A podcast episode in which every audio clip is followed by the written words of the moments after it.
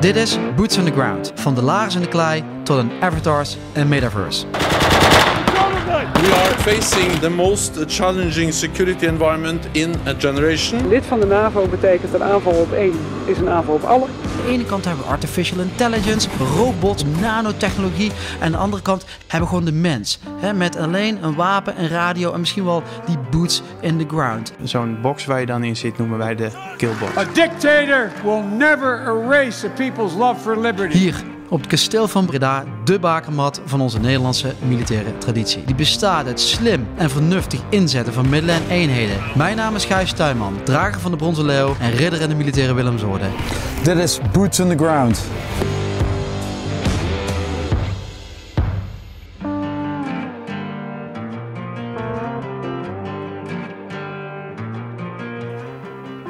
Een nieuwe podcast aflevering Boots on the Ground Warfighting.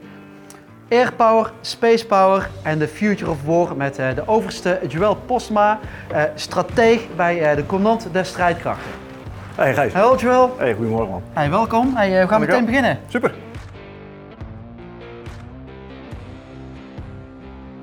Welkom weer bij een nieuwe Boots on the Ground eh, Warfighting. Vandaag hebben we het over air power, misschien ook wel space power en eigenlijk de future of war.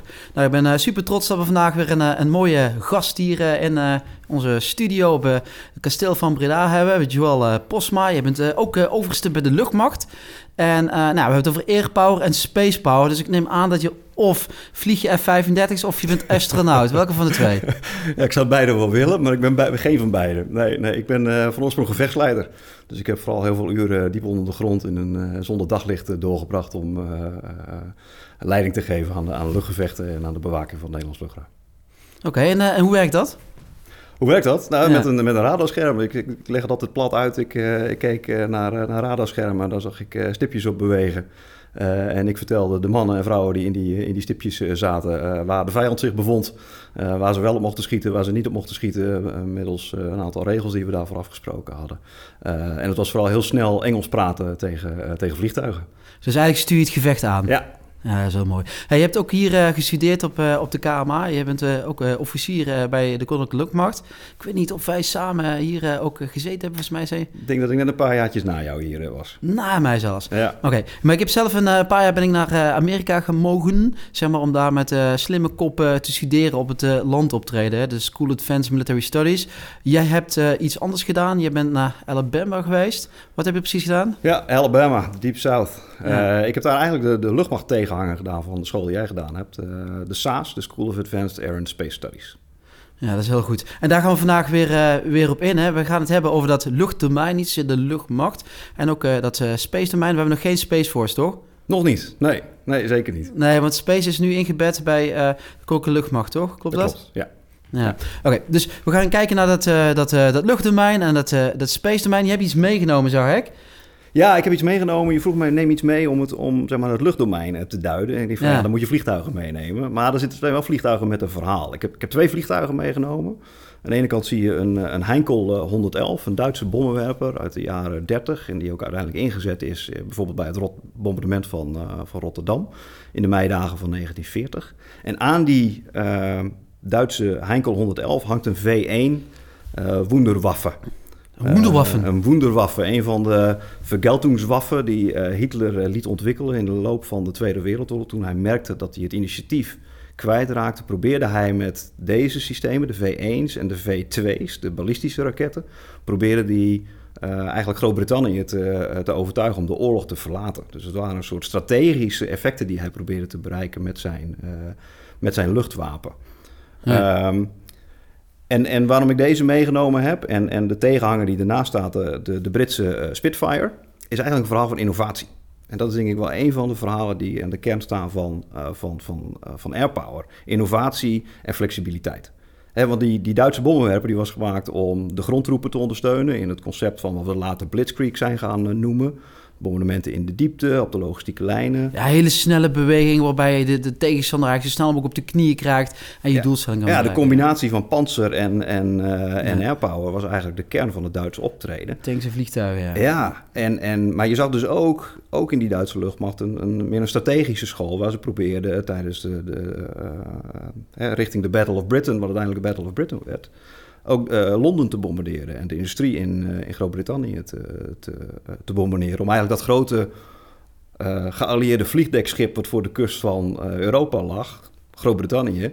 om die buiten de, buiten de wedstrijd te zetten. En de innovatie zit hem erin dat ze dus uiteindelijk... in plaats van... gebruikten voor die, voor die grote bombardementen. Dat ze dus zo'n zo'n V1 eronder gingen hangen. Omdat alle grondlocaties waar ze die dingen van eh, lanceerden... die waren uiteindelijk plat gebombardeerd door de, door de geallieerden.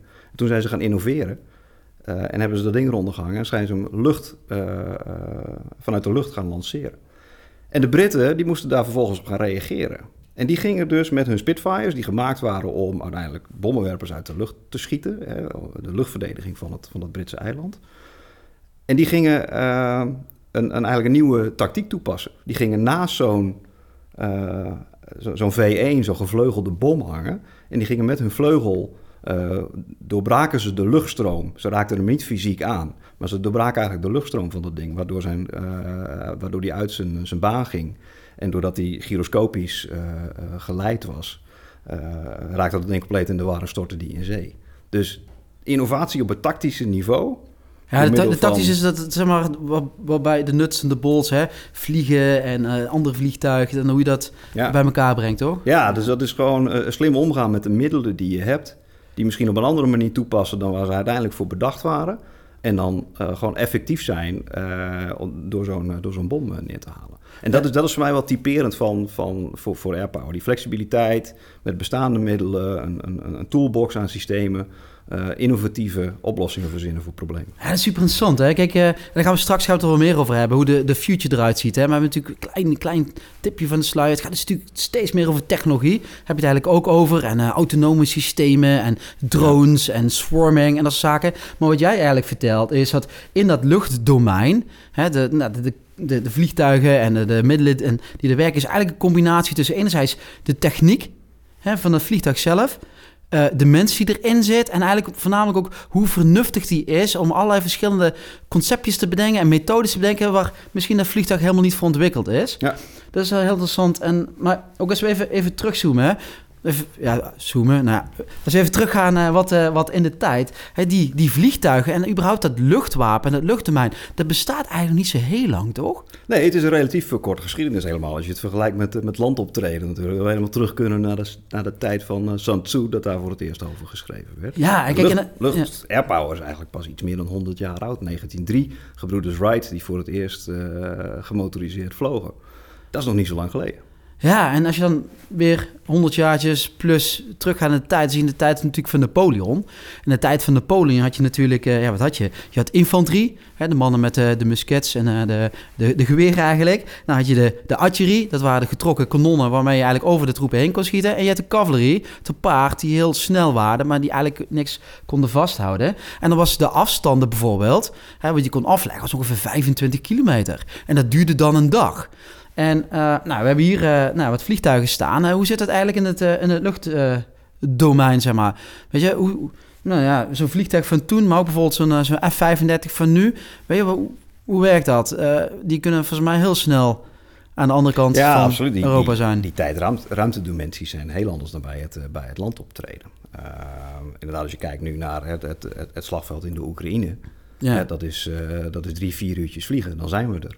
Uh, als je kijkt naar uh, hoe snel we uh, toen Rusland Oekraïne binnenviel, hoe snel we met onze F-16's en F-35's aan de oostgrens waren om daar mee te helpen aan de beveiliging van het, van het Europese luchtruim. Ja.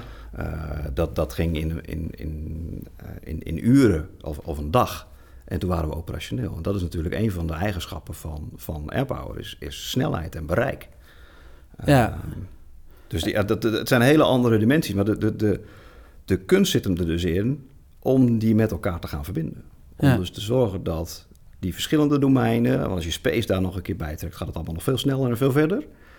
Maar die verschillende domeinen, die hebben allemaal zo hun eigen dynamieken. Maar de kunst is voor ons als, als, als eh, warrior scholars, om het zo maar te zeggen, Ja, denk om dat eens. allemaal slim om elkaar te gaan knopen. En met operationele concepten te komen die dus optimaal gebruik maken van die verschillende eh, eigenschappen. Terwijl we respect en, eh, houden voor onze collega's die misschien in een ander domein zijn opgegroeid, andere ervaringen hebben eh, eh, opgedaan.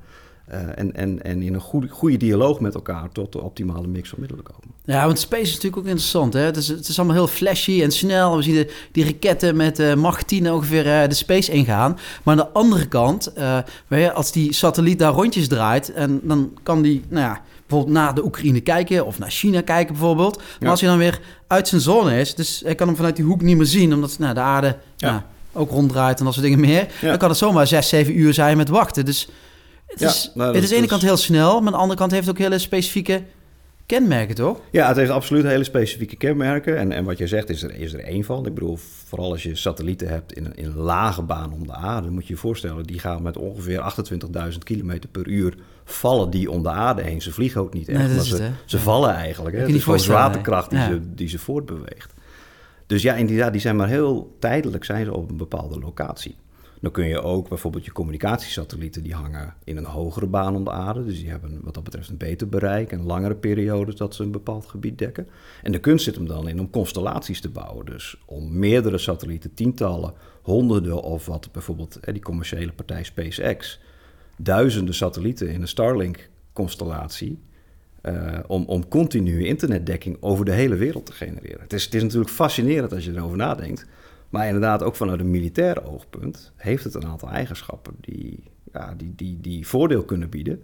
Maar aan de andere kant ook een aantal kwetsbaarheden waar we, eh, waar we niet omheen eh, moeten draaien. Ja, hey, als je het hebt over oorlog, hè, dan zeggen we in, eh, met het land optreden, hè, bijvoorbeeld een, een, de landmacht, heb je ongeveer voor elke vechtende militair heb je er eh, vier, vijf mensen nodig die hem daadwerkelijk ondersteunen.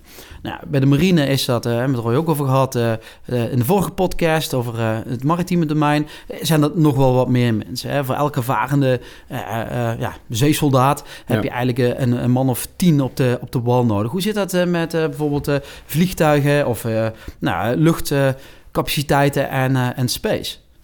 Ja, dat is natuurlijk niet heel veel anders. Eh, ook voor een, voor een F-35 of voor een MQ-9 ehm, heb, je, heb je tientallen, soms honderden mensen nodig om zo'n systeem in bedrijf te houden. En ik vind de, de MQ-9 vind ik altijd wel een mooi Ja, voorbeeld. dat is die, want dat is die dan hele grote hè? drone, toch? Die helemaal bovenin Ja, vliegt. die MQ-9 Reaper, dat ja. is de, de, de, die drone die, we, die Nederland nu ook eh, aangeschaft Maar die kunnen, eh, zijn nu wel bewapend, toch? Van Nederland? Die worden bewapend. Maar- ja, ja, dat, precies. zit er, dat zit er aan te komen. Voor Dus kan ook zo'n V2 vanaf komen. Nieuwe. Nou ja, ik, ik weet niet Vernieuwde of V2. moet hangen. Nee, het is een vrij lichte airframe, dus zo, zoveel kan die niet. eh, Maar wel raketten en, eh, Ja, absoluut. en Ehm, 500 pond bom. Ja, die kan er ook onder. Eh, maar maar hè, dat, hè, dat wordt dan gezegd dat is een onbemand platform. Ja, niets, niets is minder waar. Er zit inderdaad geen vlieger in de cockpit van zo'n apparaat.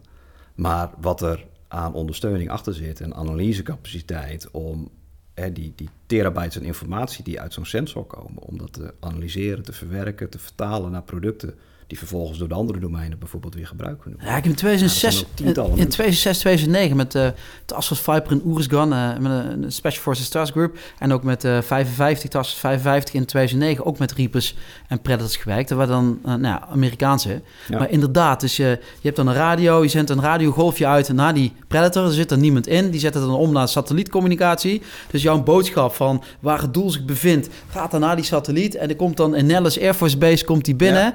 Dan komt hij weer eh, in eh, de intercom eh, van eh, de piloot, die eigenlijk met zijn milkshake daar eh, ja, dat ding eh, bedient. En nou, die geeft dan jouw antwoord van... oké, weet je, ik ga de bom eraf gooien... en dan komt het weer voor de satelliet... komt het weer bij jou helemaal terug. Ja, ja. Dus dat is ook wel Ja, zo en dan mooi. heb je het alleen nog maar over de piloot. Maar als je dan kijkt wat, van hoeveel mensen daar nog achter zitten... die zeg maar, die hele intel-informatie voor jou gaan bouwen... en, en eh, die, die, die beelden analyseren die van die, van die drone afkomen. Ja, het zijn ook zo'n stofzuigers, toch? Ja, dat is een woord wat, wat veel gebruikt wordt voor... Informatiestofzuigers? ISO, Informatiestofzuigers. Ja. Uh, MQ-9 is nog steeds een stofzuiger met een rietje natuurlijk. Die kijkt met een hele beperkte camera naar een heel beperkt deel van de wereld. ja. Maar trek dat eens naar space. Hè, dan wordt dat rietje opeens een stuk, eh, stuk groter. Eh, en nog meer informatie die je bijvoorbeeld via het ruimtedomein kunt. eh, Ja, want je kijkt natuurlijk niet alleen met, eh doen ze een optical, hè? Dus eh, met, eh, ja, met je oogje, met je lens. Maar je kijkt ook natuurlijk in een veel breder spectrum van het elektromagnetische continuum, zoals dat zo mooi heet. Hè? Dus je kunt ook met eh, radarbeelden kijken en met LiDAR. Hè? Dus weer dat je verschillende chemische samenstellingen kunt zien. Dat soort zaken meer. Hey, we hebben een beetje gehad over eh, nou ja, eh, wat dat, dat lucht- en dat space domein is. Hè? Dus eigenlijk gewoon één grote leegte. Hè? Waarin je, ja, of niet? Ja. Zie je het anders? Nou ja, nou ja de, de, de, vooral voor space wordt dat wel eens gezegd, want dat is een groot zwart gat. Maar ook space heeft, heeft, eh, heeft geografie. Ja, geografie, het terrein. eh, een van de eerste dingen die we gaan analyseren als we militaire operaties gaan plannen. Wat is het terrein? Dat kan je voor space ook doen. Hè, dan heb je die, die, die orbits waar ik het over had. Je hebt de lage orbit, je hebt een soort medium orbit. En de, de hoge, dat noemen we de geostationaire orbit. Hè, dat zijn satellieten die hangen op één plek boven de evenaar. En die, die blijven altijd op dezelfde plek hangen relatief ten opzichte van de aarde. Ehm, maar ik denk ook eens aan, aan, aan grotere eh, geografische kenmerken. Je hebt bijvoorbeeld de, eh, de gebieden in, in de ruimte waar de. En dan wordt het een beetje wiskundig en ik ben helemaal niet wiskundig. Waar de zon nooit eh, schijnt. nee, Die ja, waar de zon, die heb je ook inderdaad. Maar je hebt ook plekken waar zeg maar, zwaartekrachtvelden van bepaalde hemellichamen, van planeten, elkaar opheffen. Dus dan krijg je een bepaald gebied in de ruimte waar geen zwaartekracht is. Of waar in ieder geval de zwaartekracht niet zoveel werkt op een, een object wat daar hangt, dat die verplaatst wordt. Als je nou eens op zo'n plek, op een strategische choke point eigenlijk in de ruimte, iets zou kunnen weghangen, waarmee je dat gebied kunt controleren. Hè, dan kom je al een beetje op theorieën van, van wat we ook kennen in air control en, en, en sea control. Zo zou je ook kunnen nadenken over Een space. beetje, beetje speciale operaties van space. Hè? Zien zonder eh, eh, gezien te worden. Ja, Dat is een interessant, soort ja. space policing. Ja. maar de grap is, wat je eigenlijk doet, hè, ik verstrap natuurlijk mijn eigen valkuil. Want ik kijk natuurlijk, ik ben natuurlijk gevormd in dat landdomein. Hè, binnen speciale operaties. Hè, we zitten over het algemeen op de verkeerde plek, op de, op de verkeerde tijd, eh, met verkeerde spullen, met te weinig mensen. En vaak is de opdracht die we meekrijgen is niet hetgene wat we daadwerkelijk moeten doen. Maar onze En dan vind je het nog leuk ook, hè? ja, ja. ja. Maar onze scope is eigenlijk best wel klein. Dus dat is zo grappig. Dus in mijn, van mijn wereld is lucht al bijna onvatbaar. En space is eigenlijk al van een heel andere orde. Maar zo grappig dat... Ja, ja ik zeg van ja, nee. Weet je, dat space-omgeving is voor mij is het best wel te doen en te begrijpen. En dat kun je analyseren, kun je over nadenken. Dat kun je daadwerkelijk tastbaar maken. En dan, ja, kijk dan weer naar, weet ik veel hoe het heet daar zo, de melkwegsystemen en zwarte gaten. Dat is zaken meer. Dus dat is wel eh, mooi om te zien. Even wat... eh, nou, het natuurlijk gaat over dat, dat domein van, eh, van eh, eh, de lucht en van space. Hè. Voor mij blijft het toch een beetje groot eh, zwart gat. Maar er zitten dus allerlei dingetjes in. En aan de ene kant gaat het heel snel. Aan de andere kant kost het ook heel veel moeite om daar capabilities in te brengen Ja. en in te houden. Want zo'n zo'n vliegtuig, dat kan wel mooi vliegen. Maar eh, ja, weet je, eh, als je 24-7 coverage, dus eigenlijk continu een vliegtuig in de lucht wil houden, dan moet je of tankers bij hangen, of die grote vliegtuigen met brandstof. En ook dan is de, ja, de beperking, de mensen die moeten terug. Maar Ja. ook die Reapers moeten een keer geserviced worden. Dus het kost ontzettend veel moeite om dat eh, in die lucht te houden. Maar wat ook wel cool is, eh, jij had het er net al even over, over command of the, nou, command, niet command of the sea, maar command of the air. Dat zaken meer. Het gaat meer over, wat zijn dan die ideeën hoe je dat lucht- en dat space domein kunt gebruiken om daadwerkelijk, als je dan een krijgsmacht inzet, hè, om de nationale doelstellingen, democratie van Nederland bijvoorbeeld of Europa, eh, nou, ja, eh, te verdedigen, om dat te doen. Heb jij wat voorbeelden die je ja, die tastbaar kunt maken waar dat Ja. dan op gestoeld is? Ja, dat is, het, dat is het voordeel van een relatief korte geschiedenis natuurlijk van airpower. Hè. Dat is maar 100 jaar, dus dat is vrij makkelijk samen te vatten in, in, een, in, in een paar stromingen die je eigenlijk ziet als het gaat over de inzet van het luchtwapen. En dat zijn er twee. Aan de ene kant heb je de, laten we noemen, de strategische school. En aan de andere kant eh, noemen we het de, de operationele school. En de, de strategische school van, van denken over het luchtwapen gaat er eigenlijk vanuit dat je met eh nou, hoogte, snelheid en bereik, dus die, die kenmerken van het airdomein waar we het net over hadden, eh, ver in de diepte bij de vijand strategische effecten kunt bereiken. Dus je- Bijvoorbeeld je- door zijn hoofdstad aan te een pakken. hoofdstad aan Ja. te vallen, zijn, zijn regering te, laten, te laten vallen. Hè, Dat is natuurlijk de gedachte die zit achter de, de, de, ook de geallieerde bombardementen van, eh, van, van, Duitsland in de, in de Tweede Wereldoorlog. Of te- verder terug in de Eerste Wereldoorlog, de, de London Blitz, de Zeppelins van de Duitsers die over het kanaal gestuurd werden. Ja, die om moesten eigenlijk Londen bombarderen. Paniek Ja. te zaaien in, eh, in Londen om de bevolking uiteindelijk in opstand te laten komen en zo het land eigenlijk uit die oorlog te drukken. En dat is de school van, van de Italiaan eh, Giulio Douhet.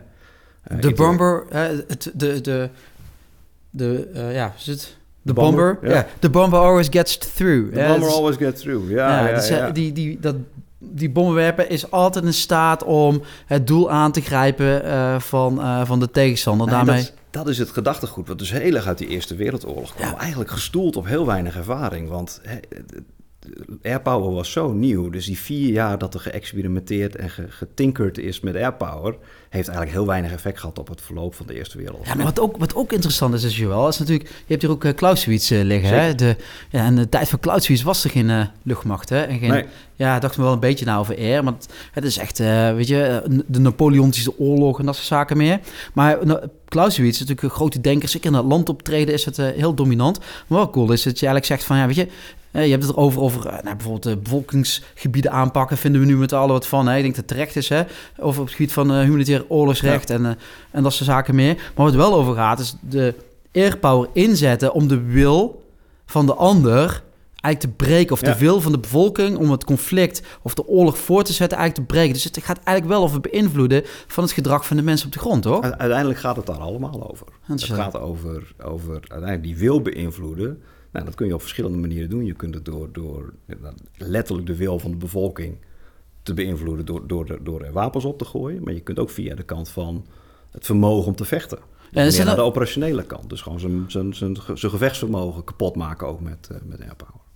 Ja, dat je bijvoorbeeld dus een eh, air defense capabilities kapot maakt. Hè? Dus de, nou, hoe die, dat je je eigen freedom of movement hebt in eh, de lucht. Maar bijvoorbeeld ook dat je de command- en control faciliteiten. Hè? Dus Ja. dat de tegenstander niet met elkaar kan communiceren. Of bijvoorbeeld dat je eh, de aanvoerlijnen, hè? dat je de logistiek om je leger daadwerkelijk te kunnen bevoorraden. Om dat aan te pakken. En als je die twee scholen dan pakt. Je kijkt nu bijvoorbeeld naar, maar ik probeer het even concreet te maken. Hè? En je kijkt naar Oekraïne, hè? het Russisch-Oekraïnse conflict. Wat, wat zijn dan jouw eerste observaties? Ja, dat is, het, is, het, is, het is natuurlijk moeilijk om daar conclusies aan te verbinden. Hè? Nee, Een nee, maar wat we- eh, ja, dat conflict, snap ik, ja. maar, maar gewoon even wel, wel wat observaties die je, die je kunt doen. Als je kijkt naar de, naar de eerste dagen van, van de inval van, van de Russen, hè, dan zag je, dan zag je die, die gedachte van...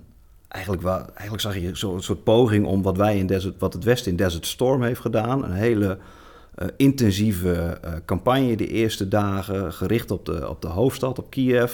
En met die luchtlandingsoperatie in Hostomel die, die, die Ja, de, de wil te breken van de bevolking. Ja, Ja, niet, misschien niet van de bevolking, maar wel van de krijgsmacht om Ja. dat het kansloos is om je te verzetten. Ja, precies. En, en, en dat zag je eigenlijk gewoon na drie dagen. Zag je dat, dat dit gaat niet lukken.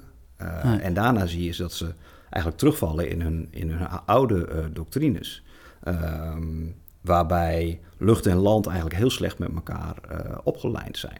Hè, waar, waar wij eh, de afgelopen jaren enorm veel ervaring hebben opgedaan. Het joint optreden, eh, Afghanistan, allerlei andere missies. Ja, met close support. Ja. Ja, ja. En dat zit daar niet zo in de, niet zo in de doctrine. En, en, en, en, het, en een van de observaties die, die, die er heel erg uitspringen... is dat eigenlijk geen van beide landen is in staat geweest... om air dominance, air superiority, in ieder geval luchtoverwicht te genereren boven het slagveld. De, de Oekraïners hadden heel slim al hun luchtverdedigingsinstallaties eh, verspreid over het land... Dus die, die konden niet eh, platgegooid worden door de, door de Russen. Eh, en die bleven vervolgens zo effectief dat de Russen de eerste weken heel veel van hun, hun airpower kwijt zijn geraakt. Dat dwong ze om bijvoorbeeld hun strategische bommenwerpers, de, de, de Tu-95 Bears, de Tu-22's... eh, Ja, die ook eens over. Nederland heeft vliegen. Ja, nou, over Ja. Nederland gelukkig niet, maar in ieder geval Ja. wel binnen het NAVO-gebied Ja, dat ja. boven de zee waar wij dan verantwoordelijk zijn. Ja. Uh, maar die, die, die, vlogen ze van, die vlogen ze eigenlijk alleen binnen Rusland en, en binnen Wit-Rusland. En vanuit daaruit schoten ze hun, hun wapens af. Maar die durfden niet meer binnen Oekraïns luchtruim te komen. En wat is het dan? Is, is het dan eh, die Oekraïnse luchtmacht? Of eh, wat is het wat, eh, wat, wat, wat die dreigingen veroorzaakt? Dat ze niet in staat zijn of niet bereid zijn Ja. om dat luchtwapen, nou, wat in de nou, in Desert Storm zo cruciaal is geweest in het succes aan de geallieerde zijde, om dat niet in te zetten. Um, je bedoelt bij, bij de Oekraïners? Wat, wat ja, aan maar de niet uit van beide de kanten. Ja, ja, Ja, van- kijk, aan de, aan de kant van de Oekraïners is het, is het de mix van, eh, van hun middelen. Hè, dat, dat, dat luchtverdedigingssysteem en, en helemaal nu het in de maanden later aangevuld is door, door westerse eh, middelen... is zo sterk geworden dat die, dat die Russen niet binnen durven komen... omdat ze gewoon te veel verliezen lijden. Eh, maar aan de andere kant vechten de Oekraïners natuurlijk gewoon een, een, eh, een oorlog voor, voor hun leven. ja. Uh, dus als, het, als je het dan hebt over de wil om te vechten, ja, die is bij die Oekraïners natuurlijk veel nadrukkelijker aanwezig dan bij uh, de Russen. Ja.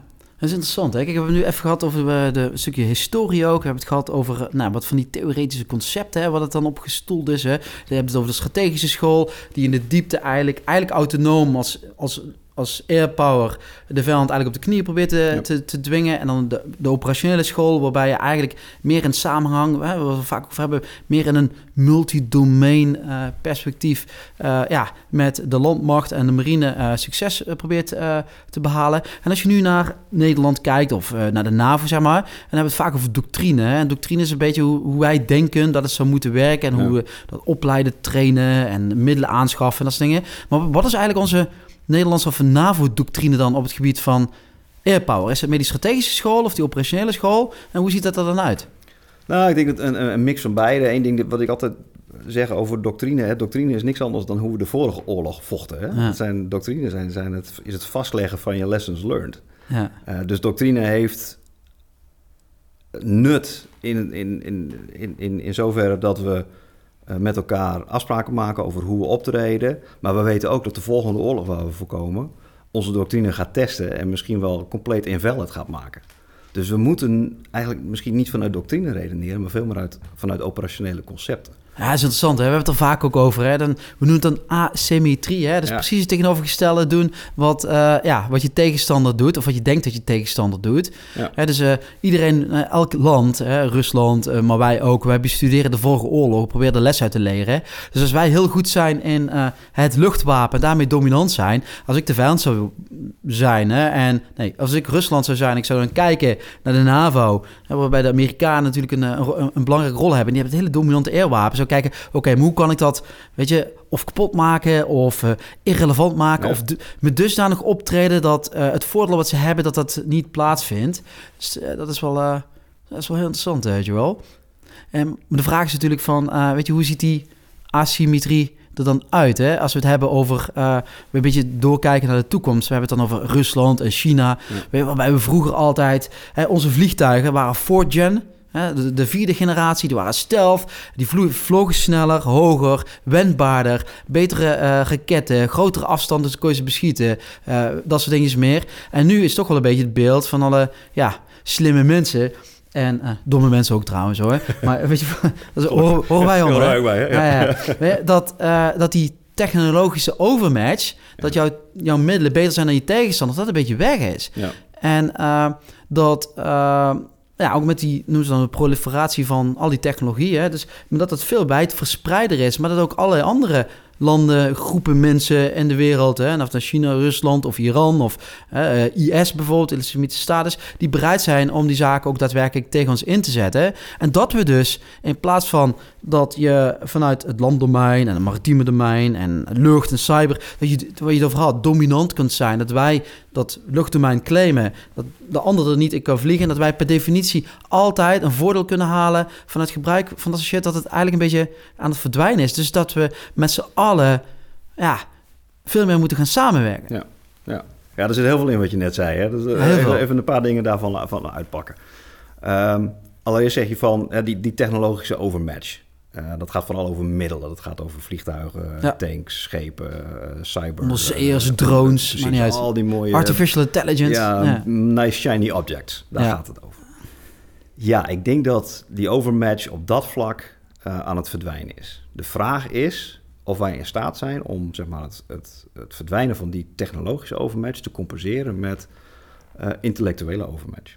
Zijn ja, dus gewoon slim nadenken. Ja, ik denk nog altijd dat de manier waarop wij onze mensen uh, trainen, opleiden, ze in, uh, in, in tactieken en strategieën bekwaam maken, ja? Dat, dat die nog altijd beter is dan wat we in heel veel landen om ons heen en, en, en uh, andere delen van de wereld zien. En dat heeft te maken met, hè, als we het dan over, over Clausewitz hebben en over de, de, de, de, kracht van opleiden in, in, de, in dat Pruisische systeem, later in de Duitse systemen, wat we eigenlijk in, in Europa en ook in Amerika overgenomen hebben. Wij leiden onze mensen enorm goed op en we maken ze zo goed dat ze met, ook met beperkte middelen nog steeds in staat zijn om uh, een overmatch te bereiken ten opzichte van een vijand. En ik denk dat we daar vooral in moeten investeren als we, daar, als we daarop door zouden, uh, zouden gaan. Uh, tweede punt, dingen wat je maakt, het gaat over die samenwerking. Ja, na, na, natuurlijk. Hè, die, die, die, eh, die dominantie die we willen hebben in de domeinen, die is niet meer vanzelfsprekend. Is hier volgens mij ook nog nooit geweest. Ook in die periode Nee, van, ja. van de jaren negentig, waarin we natuurlijk als West-Europa eh, met Amerika een, een, een, eh, die overmatch hadden, waren er nog steeds wel actoren die ons daarin probeerden te. Ik zoek natuurlijk afvragen of in de, ja, of in de jaren 90, 90 hè, waarbij we daadwerkelijk hè, met de, de F-15 en eh, nou, ja, een F-16 en nou, ja, was het de, Patriot en de, de, de Abrams tank, of we daadwerkelijk ook getest zijn door een peer competitor. En of we de lessen daadwerkelijk geleerd hebben. Of dat we nou, gevochten hebben tegen een, eh, Saddam Hussein bijvoorbeeld in Irak. Ja. Tegen een gewillige vijand. Die eigenlijk precies datgene deed wat wij wilden dat hij ging doen. Zodat we daar... Nou, Ja. Later in de jaren negentig zag je natuurlijk de conflict op de, op de Balkan. Ja, en dat is natuurlijk eh, super interessant. Dat, met wat je ook zei over leren. Hè? Is van, eh, weet je maar, welke lessen heb je dan geleerd? En dan... hè, ben je dan, heb je dan misschien niet lessen geleerd die zeg maar een soort van, je noemt dat een bias, hè? Je zeg maar je, jezelf overtuigen van je eigen gelijk. Ja. En op zich, dan blijf je vasthouden aan datgene wat je hebt. Terwijl de ander eigenlijk de andere lessen leert. Hè, zoals Chinees bijvoorbeeld, ook een leuk boekje over geschreven, hè?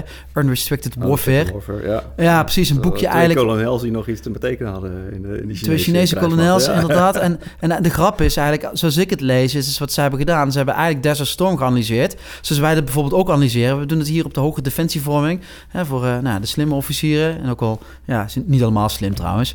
Maar Meestal wel. ja, meestal wel. Hè, die, eh, die doorgaan eh, voor, voor, voor het, het, ja, de, de, de generaalsrangen, zeg maar. En doen we ook zo'n case study. Dan gaan we Desert Storm bestuderen. Maar deze twee Chinese generaals of kolonels hebben dat ook gedaan. En die komen tot hele andere lessen. Ja, ja. Ja, dat, ja, dat is een heel mooi voorbeeld. Maar ik moet zelf ook altijd denken aan... Maar, je, had die, je had die jaren negentig, de, de euforie van Desert Storm. eh, Het, het luchtwapen was, was dominant en zou ook de volgende oorlog wel zo beslissend kunnen, kunnen beïnvloeden. Hè, op de Balkan werd dat al gechallenged, want dat was niet altijd even makkelijk. En toen kwam 9-11. En toen moesten we opeens vechten tegen eh, eh, het- Ja, de Twin, de. Twin Towers die instortten. Ja, en, eh, het was eh, Osama hele Bin Laden. Als je het over asymmetrie hebt. Ja, dat was een vijand die... Ja, die was ook vanuit de lucht natuurlijk heel moeilijk aan te grijpen. In de beginfase wel. Hè, die eerste maanden Enduring Freedom was er iets van een staat geleid door de Taliban. Dat konden we prima met het luchtwapen eh, aangrijpen. Maar na een tijdje hadden we die Taliban verdreven. Maar het probleem was nog niet weg. En, Nee, en toen ja. was het heel erg zoeken naar... van, Wacht eventjes. Onze Desert Storm doctrines die passen niet zo goed zeg maar, op de context... waar we nu in moeten opereren. Nee, het is even verschoven van de vijandcentrisch. Hè, dus eh, concentreren op de vijand. Alle, alle middelen en alle je, je plannen zijn gericht op het bestrijden van de vijand. Het werd, het, eh, 2008, 9, 9 of zo. Werd dat, eh, of na 6 denk ik. Werd het de bevolking hè, met, eh met Petraeus die dat in Ja, Irak had gedaan. ja. Maar wat ik, waar ik nog steeds zeg maar, mijn hoofd over breek, hè, is deze. Dat wil ik wel bij je neerleggen. We hadden daar eigenlijk air dominance. We hadden alle middelen, alle satellieten, eh, eh, drones, maar ook op het land. Weet je, alle dominantie. Nou, je bent zelf natuurlijk eh, chef informatie bij het ministerie van Defensie als strategisch chauffeur van de commandante strijdkrachten.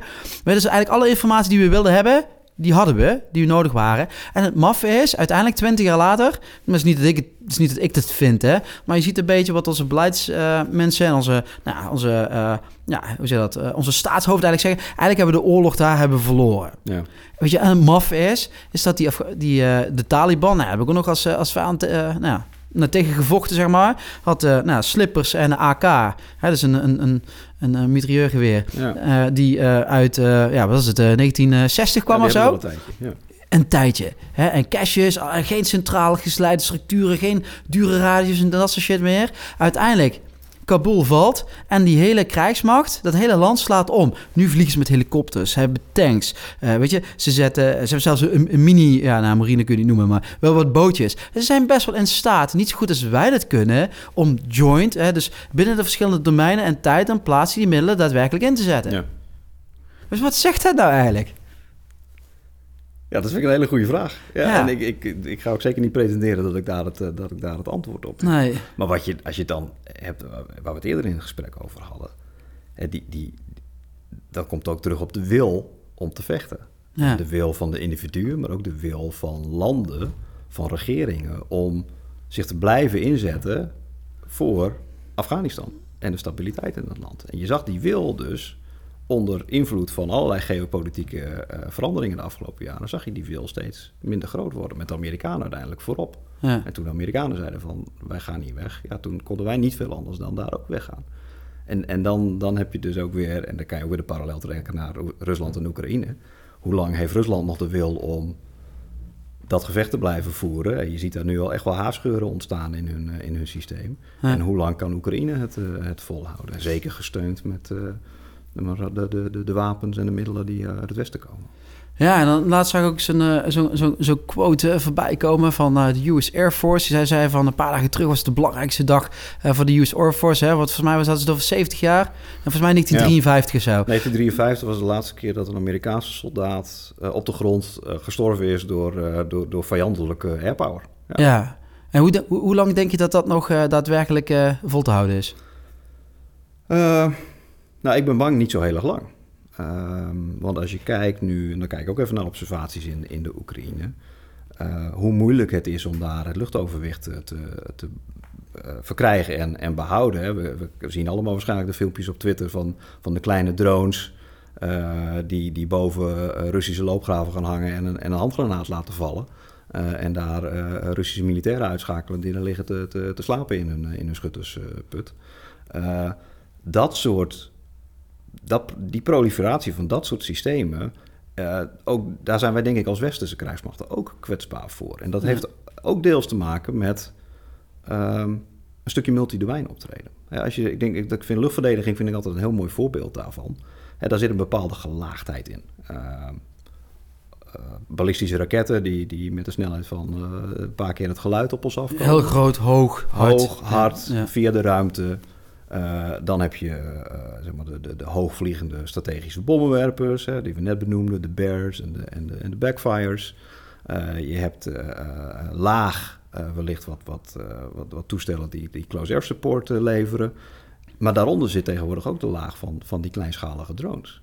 En wie is daar nou precies van? Wa- Want die opereren eigenlijk op de, op de naden van onze domeinen. Ja, want- tussen land en lucht. En Want in principe is het zo, volgens mij is het 500 voet of zo toch? Dus alles wat 500 voet en lager is, is in principe ja, een beetje land ja. gefocust. Helikopters ook, hè, want die, die manoeuvreren. En alles wat erboven is lucht. Wat je eigenlijk zegt Ja. is dat die panelen eigenlijk in elkaar aan het schuiven zijn. Ja, die zijn enorm in elkaar aan het schuiven. En, en dat zie je vooral dus inderdaad met dat soort dronesystemen, en met, met, eh, met loitering munitions. Dus die, die, die systemen die afgeschoten worden vanaf de grond, die gaan naar een bepaald gebied en die gaan daar rondhangen totdat ze via hun sensoren, Ja, zijn dan die- wel optisch, Is, dan het nou de, zijn nou van de, lu- is dat luchtdomein of landdomein? Of is het van Het is- luchtmacht of landmacht? Ja, en, daar, en daar maken we denk ik met z'n Of allen de maritiem misschien zelfs wel? Daar maken we denk ik de grootste denkfout. Ja. In, in Nederland ook. Eh, waar we een domein gelijkstellen aan een krijgsmachtdeel. ja. Als Doen we het steeds, over- Dat doen we nog steeds.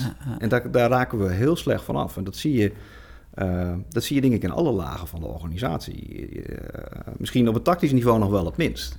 Want als wij met elkaar eh, het gevecht aan moeten gaan, dan weten wij elkaar prima te vinden. En dan, dan, dan gaan we elkaar ondersteunen met alle middelen die we op dat moment tot onze beschikking hebben. Ja. Zodra het echter gaat over de verdeling van middelen, geld, dan wordt het toch lastig. En dat is ook niet zo gek, want we komen natuurlijk uit een, een periode van 30 jaar bezuinigen en uithollen van de krijgsmacht. Ja. Waar de generaals die nu eh, leiding geven aan deze organisatie, die hebben de afgelopen jaren niet veel anders gedaan. En met alle respect voor, de- voor de mannen en vrouwen die er Ja, zitten, maar die gevochten hebben, om- om die hun- gevochten voor hun eigen krijgsmacht. Hun eenheden en hun Ja. mensen en hun belang. Precies, om die eenheden in leven te houden, om, om, om de, de, de plaats van hun krijgsmachtdeel Ja. te, te Dus aan bewaren. de andere kant ook goed ook, hè? Anders hebben we misschien wel heel weinig over gehad. Nou, dat ben ik absoluut met je eens. En ik begrijp de dynamiek ook heel goed. Alleen, het punt is nu, we zitten nu wel in een ander tijdsgevricht. Eh, En we moeten denk ik echt veel meer, in plaats van dat we bottom-up kijken naar, naar onze behoeften en, en, en de dingen die we zouden willen. Ja, vanuit, vanuit je eigen Vanuit je domein, eigen zuil, vanuit je eigen de domein. landmacht of de luchtmacht. Precies. Of space, hè? Ja. Zouden we veel meer vanuit een overkoepelend eh, operationeel concept, en dat, dat mag voor mij betreft dan multidomein operaties heten, zouden we moeten kijken hoe moeten we als krijgsmacht in het geheel, en dan ook nog eens een keer zeg maar in de bredere context van bondgenootschappen Ja, met andere landen, coalities, ehm, eh, maar ook met de andere instruments of power, dus de, de, de, de, de, machtsinstrumenten van de staat, hè, Ja, diplomatie, economie, het informatiewapen of eh, machtsinstrument. Ehm, er moet een, een, een, een, veel meer gedegen operationeel concept komen voor de manier waarop we als Nederland onze krijgsmacht willen gaan, eh, gaan vormgeven. Want als we het niet doen, Als we het niet doen, gaan we denk ik verliezen. want we worden juist uitgedaagd, wat je nou ook zei, hè, op die die, Die naden. die naden hè, tussen Ja. de, het land en het luchtdomein. Je ziet dat die eh Oek- nou, Oekraïne is best wel adaptief. Hè? Zit natuurlijk ook in een, eh, een struggle for life. Ja. Eh, ze hebben niet heel veel andere opties dan nou ja, niet uit, te, uit te blijven proberen tot datgene wat werkt. En dan blijf je meer doen. En die zitten eigenlijk elke keer op die naden, toch? Ja, ja dat, is dat is exact wat ze doen. En omdat die Russen zo slecht zijn in die coördinatie tussen die verschillende domeinen. En, en ook heel erg gecentraliseerd ingericht zijn voor wat betreft hun commandovoering. Kunnen die Oekraïners die kwetsbaarheden op die naden uitbuiten. Maar die naden hebben wij als westerse krijgsmachten ook. En misschien wel En daar zijn we kwetsbaar. En dat moeten, Ja. we met ons, dat moeten we gewoon ook durven zeggen tegen elkaar. Van jongens, daar zitten onze zwakke plekken. En, Ja. die, en die moet je weer gaan beschermen. Ja, hij zit natuurlijk eh, tussen het maritieme en het, eh het landdomein natuurlijk ook. Hè. Mooi voorbeeld is die, die Moskva, die Ja. grote Russische ja, vlaggenschip, die kruiser, die wordt uitgeschakeld door wat? Door een Neptunus eh anti-schips, anti-scheepsraket, maar gewoon vanaf het land afgevuurd. En dat is op zich heel makkelijk eigenlijk te, te verdedigen of te pareren. Ja. Maar als je maar beseft dat je vanuit een ander domein een effect kunt resulteren in het Ja. aanpalende domein. Ja, zo is het. En, en ik zie en, eh, rondom dat incident zie ik niet de Oekraïnse landmacht zeggen van kijk eens wat wij dat mooi gedaan hebben. En dat is daar helemaal geen punt. Ze vechten gezamenlijk die strijd. Ja. Eh, en en, en ik denk dat we er nog wel eens wat van kunnen leren, ook als Nederland. Hè? Want ik vind het altijd mooi, van we zitten hier nu op de KMA. Ja, als we, mochten wij tegelijk opgekomen zijn eh, in, in eh, 20 jaar geleden. En komen we allebei in ons spijkerbroekje binnen op maandag. En op vrijdag noem ik jou een klont en jij mij een fluim. En die allemaal mannen en vrouwen van de, van de marine hebben we het niet eens, want dat zijn de vissticks. ja, klopt. Dus, dus binnen een week hebben we gewoon stammen gecreëerd. in We doen het zelf, We ja. doen het zelf. Ja. En daar moeten we wat mij betreft echt vanaf. En dat wil niet zeggen dat we van eh, zeg maar die, die, die specialistische, tactisch-technische achtergrond in ons domein... Nee, maar ook, dat is natuurlijk ook een stukje cultuur hoort Ja, erbij, hè? En een stukje hoe je dat organiseert. Ja, want de eerstvolgende keer dat wij elkaar na de KMA tegen zouden komen... zou heel goed zeg maar, de middelbare defensievorming kunnen zijn. Dat is 15 jaar later.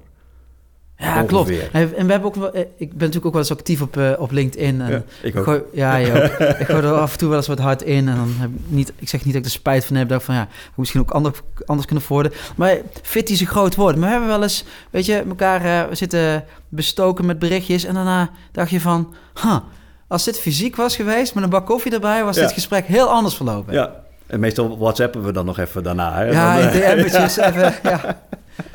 Ja, Nee, maar het, het, is zo, het is zo gek en dat zit gewoon in, in onze, op de een of andere manier in onze natuur. Eh, en en, en daar, daar moeten we denk ik wel eens wat, la- wat langer over nadenken, hoe we daarvan af kunnen. Echt Maar- die, die harde scheiding tussen... Ja, maar volgens mij zeggen we in de basis, eh, we beginnen natuurlijk allemaal met Clausewitz. Tuurlijk. Ja, jullie Ja, ook. Zelfs, zelfs luchtmachten is lezen. Zelfs, zelfs Space, hè. Ja. Maar goed, kijk, en wat ik wel mooi vind aan jou is, is dat, dat, je, dat, dat je uiteindelijk die, die rol van de mens, hè, wat het, eh, het eigenlijk het onvoorspelbare misschien wel van de mens, hè, dus dat je creatief eh, kunt zijn, dat eh, ook in de context plaatst van het luchtdomein, het space domein, want ook space is niet alleen maar capabilities en hardware en nulletjes en eentjes. En, maar aan de andere kant, wat je ziet nou ja, bij bijvoorbeeld in het landdomein, ook in het maritieme domein, met technologieën doen zijn. Ja. En volgens mij kun je daar van elkaar echt wel een, een, nog een hoop, een hoop leren. Ja, ja maar het, begint, gewoon met elkaar te gaan, gaan zitten met die bak koffie. eh, en, en, en, en te praten, zeg maar, van, van, van, van groot naar klein. Van, van de grote geopolitieke strategische problemen die we zien, naar wat levert dat voor operationele uitdagingen voor ons op. En dan naar klein, oké, welke middelen hebben we dan nodig om die dingen op te lossen? In plaats van dat we aan de voorkant gaan zeggen van, dit zijn de middelen die we willen hebben. En dan gaan kijken hoe we die op de problemen kunnen, kunnen toepassen. En dat is echt een, een, een, fundamentele shift in, in, in nadenken, in mindset, in cultuur.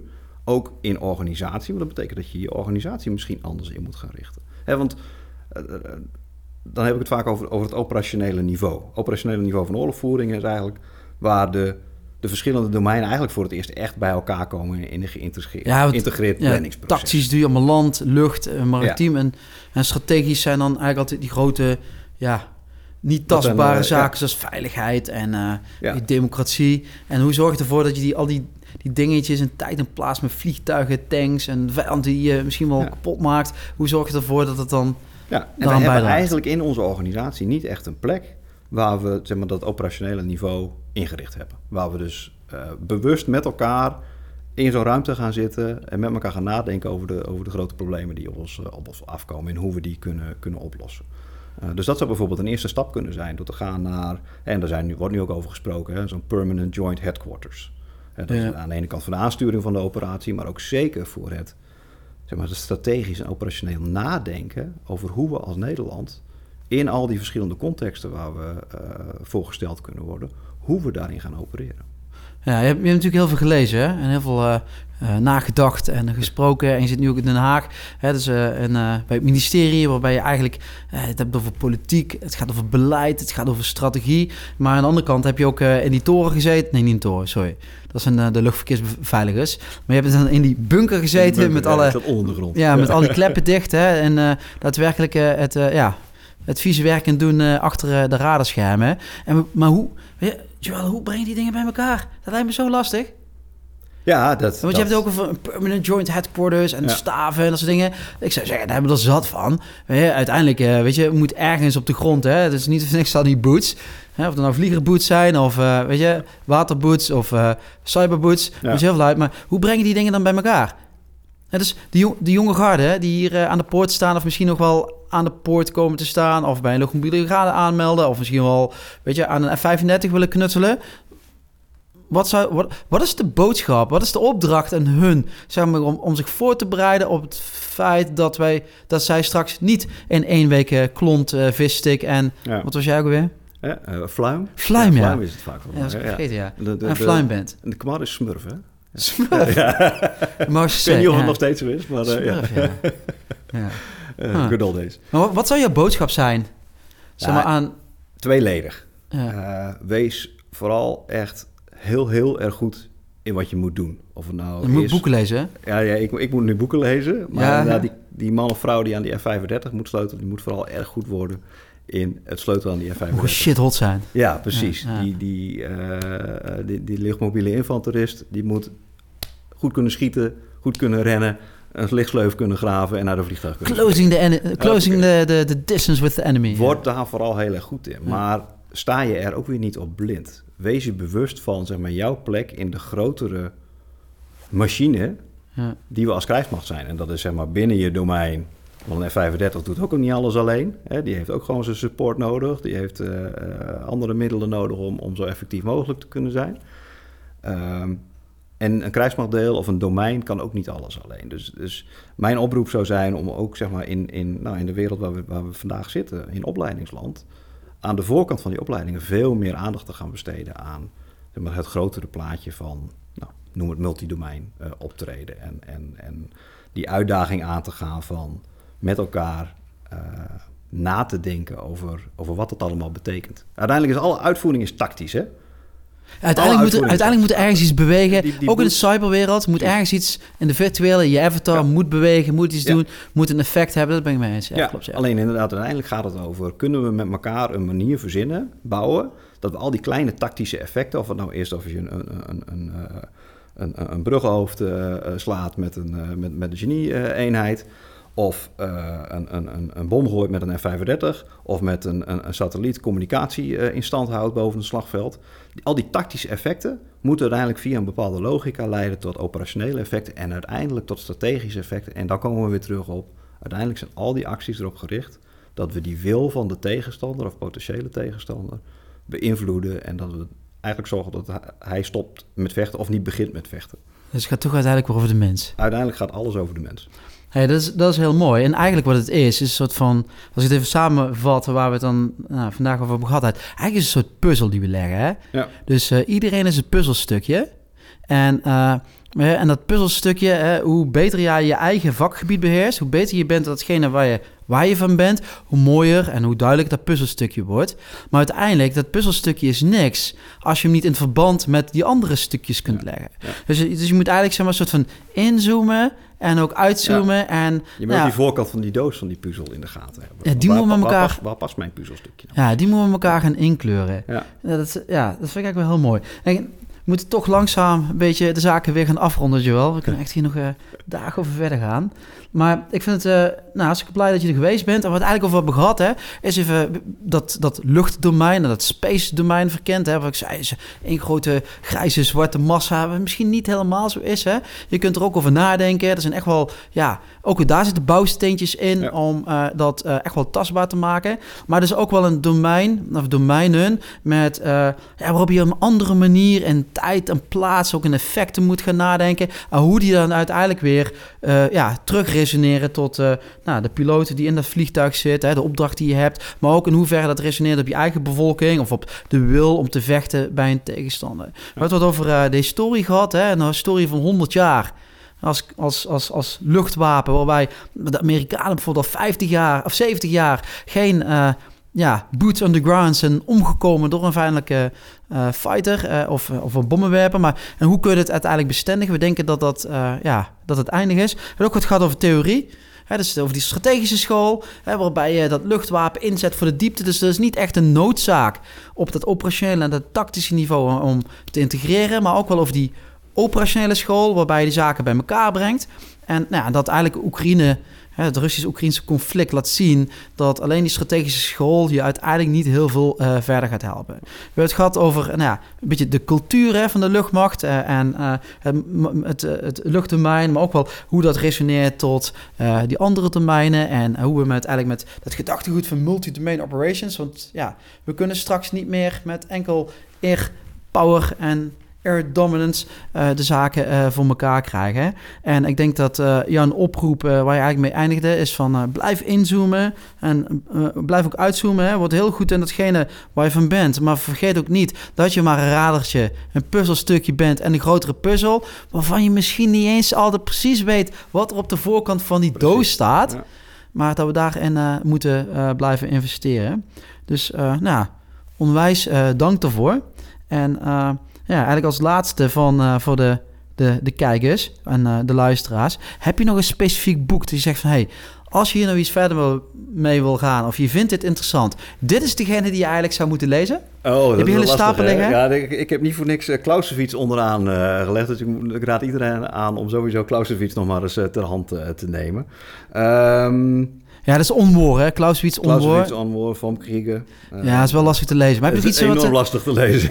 wat, een spannend jongensboek. Een spannend jongensboek.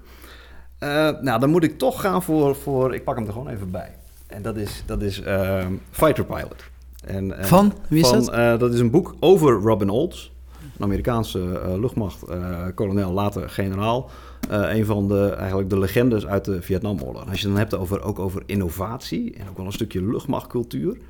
Uh, hij was uh, tactisch enorm uh, sterk en hij wist met zijn eenheid van F-4 Phantoms, wist hij uiteindelijk met een hele innovatieve tactiek, Operation Bolo, google het maar eens. Doen, wist hij in, in één dag tijd een enorme slag toe te brengen aan de, aan de Noord-Vietnamese luchtmacht.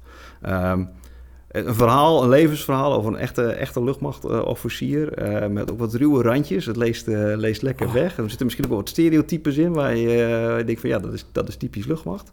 Maar ook hierin zit de kern. Het gaat over mensen, het gaat over leiderschap.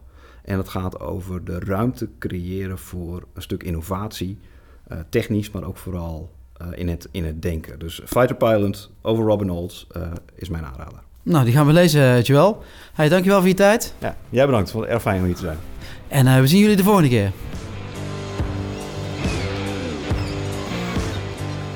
Wat ik gaaf vind aan het gesprek tussen Gijs en mij is dat we ondanks onze verschillende operationele achtergronden en ervaringen prima met elkaar kunnen sparren over de toekomst van de krijgsmacht en welke operationele concepten we nodig hebben om multidomein opereren een succes te maken. We staan voor grote uitdagingen, maar met zo'n team alle vertrouwen voor de toekomst.